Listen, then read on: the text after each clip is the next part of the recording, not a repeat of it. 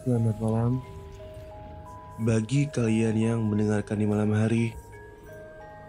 Kembali bersama gue Demas yang membawakan program podcast Tak Kasat Mata.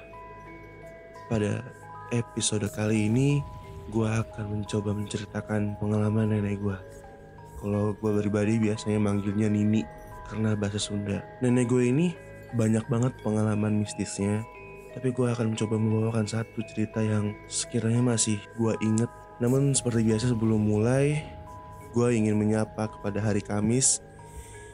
Selamat datang hari Kamis, karena hari Kamis adalah hari yang gue tunggu, terutama pada malam harinya.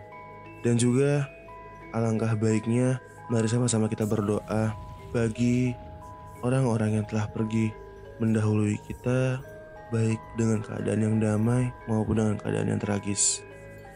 Berdoa menurut agama dan kepercayaan masing-masing dimulai. Amin.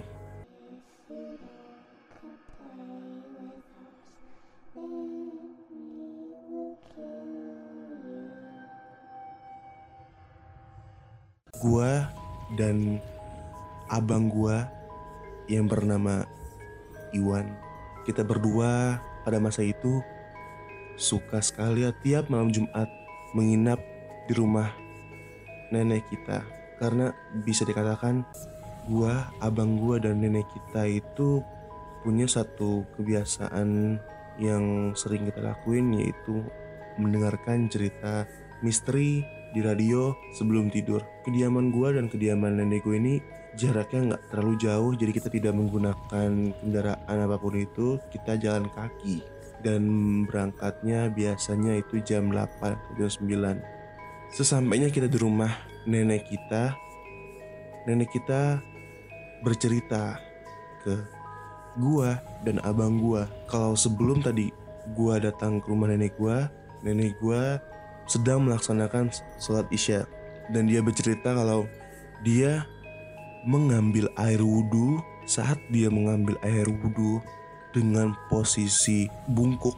Saat dia mau mencoba berdiri lagi itu tidak bisa karena dia bercerita kalau nenek kita ini ditahan oleh suatu makhluk. Namun dia baca-bacalah berdoa agar dia bisa berdiri tegak lagi gitu. Akhirnya masalah teratasi. Lanjut dari luar rumah dia masuk ke dalam rumah untuk melaksanakan sholat isya. Setelah rakaat terakhir saat nenek gue ingin mengucapkan salam lagi-lagi kepala nenek gue ditahan oleh suatu makhluk yang mana nenek gue tidak bisa menengok ke kiri dan ke kanan namun bisa melihat ke atas. Saat muka nenek gue menoleh ke atas dia melihat sesosok hitam tinggi besar berbulu yang mana tangannya mencengkram kepala nenek gue. Nenek gue tidak kehabisan akal. Dia mengucapkan kalimat-kalimat doa, zikir, tasbih yang mana alhamdulillah akhirnya itu pun teratasi. Akhirnya nenek gue bisa menoleh ke kiri dan ke kanan untuk menyelesaikan sholat.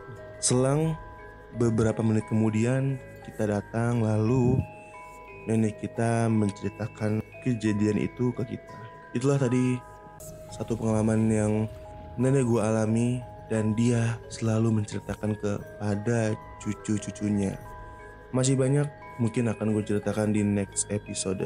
Dan gak lupa untuk para pendengar tak kasat mata yang mau berkomentar tentang episode ini bisa melalui link voice message yang tertera di description Spotify episode kali ini atau di Instagram at guy underscore ID nanti akan gue bacain di episode berikutnya.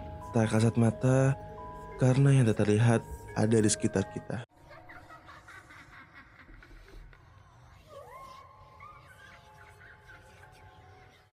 Don't forget to follow us on YouTube, Spotify, and Instagram at the Talkative underscore.